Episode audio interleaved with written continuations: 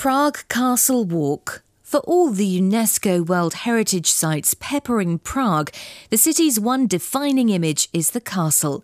Sitting on its lofty perch high above Malá Strana, the castle was founded in 880 by Prince Bořivoj and is, according to the Guinness Book of World Records, the biggest in the world. Rather than being a castle in the traditional sense, this one is more like a huge complex, 70,000 metres squared, containing hundreds of buildings, including palaces, galleries, shops, museums, gardens, and religious houses. Often mistaken by tourists to be the castle itself is the awe inspiring Gothic edifice of St. Vitus Cathedral, which is the seat of the Archbishop of Prague and resting place of many kings, queens, and Holy Roman empires. If you have one handy, have a look at a 50 koruna coin. It's on there too. Because of its sundry attractions, it would be difficult to do everything the castle has to offer within a week, let alone a single day or afternoon. This walk then will take you via all the most significant sites of interest, citing along the way further ones you may wish to explore in more detail. Walk starts front gates of Prague Castle, nearest metro stop Malostranska. Take tram 22 to either Pražský hrad or Pohorelec. Ends at the southern gardens of Prague Castle. Nearest metro stop Malostranska. 1. As you enter the main gate of the castle, facing Hradčanské náměstí, turn around and marvel at Ignác František's Platzer's stone giants, who happily club their enemies to death atop this entrance. In this first courtyard, you also have the opportunity to get your photo taken with one of the grey suited guards that stand either side of the gate. Do your best to make them laugh, but they're made of even sturdier stuff than those in London. In past centuries, these guards had even less to smile about. They were paid only in accommodation and firewood.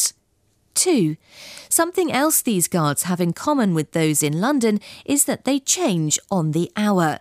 This elaborate ceremony, introduced by former Czech President Václav Havel, is usually a bit of a tourist tussle, and you're advised to stand to the left of the gate, where you'll get a better view of the proceedings and won't be shifted to one side as the guards exit, unlike those less informed tourists on the right. The best time to watch the changing of the guards is at noon, when a special musical rendition is given. Next, walk over to the 17th century Matthias Gate, designed by the Italian Giovanni Maria Filippi and named after the Holy Roman Empire. A list of the countries he ruled is noted below his imperial insignia. The Matthias Gate stood here freely for 150 years when the Maria Theresa extensions were built around it. 3. Walk through the gate into the second courtyard, at the heart of which is a gorgeous stone fountain completed in 1686. You can try perching on the edge to rest your feet or get a snap. But beware the pedantic staff who shoo tourists off it every few minutes.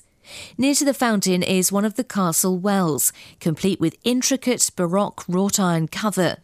The castle's water supply was once believed to be guarded by the water sprite Paquíť.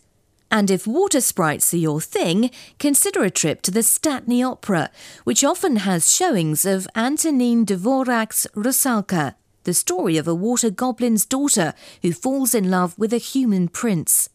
The facades which surround you here and did in the previous courtyard were modified by Austrian architect Niccolo Pacassi.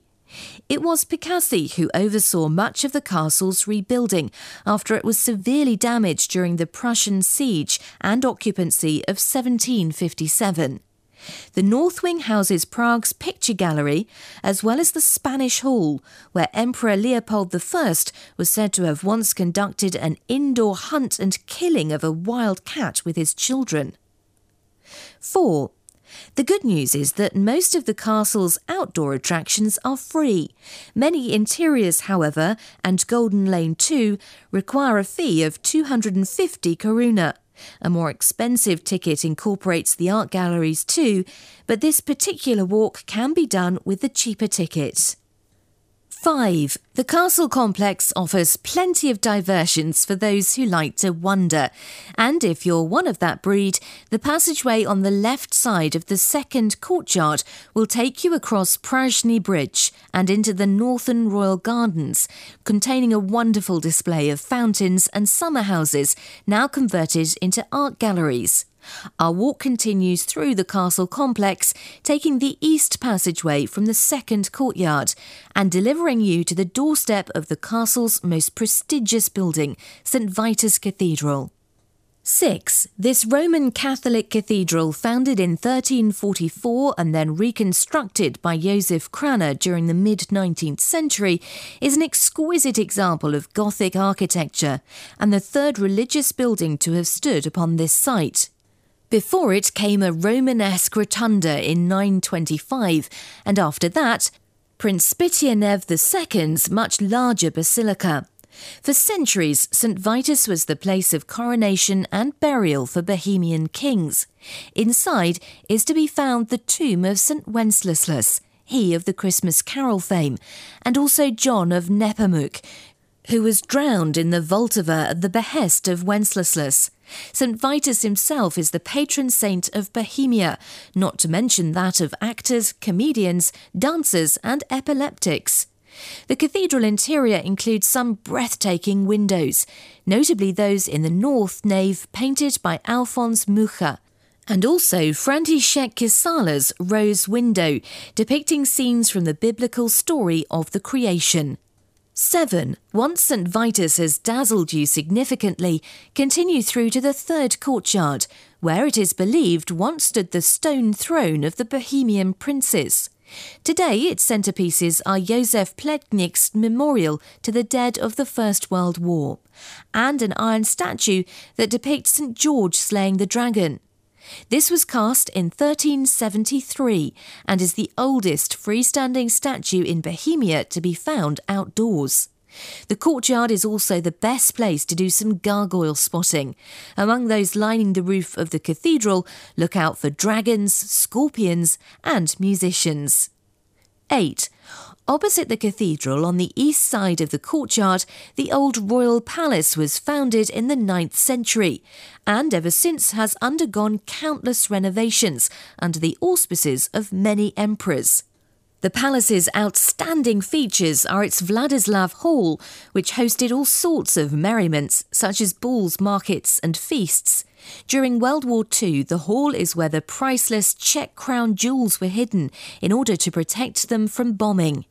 It is said that any false king to don the St. Wenceslas crown will die within a year, a myth that became even more popular after Nazi protector Reinhard Heydrich reportedly did so and was soon after assassinated by Czech parachutists. Recently, Václav Havel lay here in state. The hall's rider's staircase is so named because knights could enter the hall up here without dismounting from their steeds. 9. Exiting by this very staircase and down into St George's Square, you are now face to face with the St George Basilica, thought to be the second oldest church in Prague. If you find this hard to believe owing to the building's Baroque facade, its dark Romanesque interior speaks of a much longer history. As well as containing permanent art exhibitions, the Basilica also plays host to regular music concerts. Its excellent acoustics guaranteeing fine performances, recommended if you can make one. 10. Continue past the Basilica Danierska, where on your right is the Rosenberg Palace, a palace where impecunious, unmarried noblewomen used to reside. Before reaching the Lobkowitz Palace, the only privately owned building in the Prague Castle complex, coming up on your right hand side, there is a left turn that leads to Golden Lane. 11. This colourful row of miniature houses was built at the end of the 16th century in the architectural style known as Mannerism as you enter Golden Lane, the White Tower looms in front of you. This served as a prison for noble persons, including Katerina Bechyňová of La Janet, who in 1534 was left to rot here following the murder of 14 people. Another dungeon, the Dalibor Tower, stands at the other end of the lane. Although Golden Lane has been somewhat spoilt by the number of gift shops that now litter it, each house remains fascinating in its own right. At the Blue House of number 22, Franz Kafka lived for a while, while prophetess Madame de Thebes, who was killed by the Gestapo for foretelling Nazism, once inhabited number 14. In 1831, there was an explosion at one of these houses, upon which firefighters found the body of an old man clutching a nugget of pure gold. Some believe he had found the secret of alchemy and died with it. 12. From the Dalibor Tower, a walkway will take you to the Supreme Burgrave's house and courtyard. This position was of the highest order below that of the king. Here is a nice space to stop for a beer or coffee, and you can also revisit your childhood at the well stocked Toy Museum, which is particularly proud of its collection of Barbie dolls. The courtyard's oddest curiosity is the statue of a boy, whose penis younger tourists like to rub for good luck. Exiting the courtyard via its main gateway, veer left where you will slope down to the castle's eastern gateway.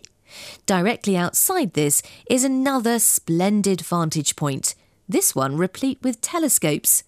Whenever you're ready, continue down the steps, which will take you to Malostranska's tram and metro stations.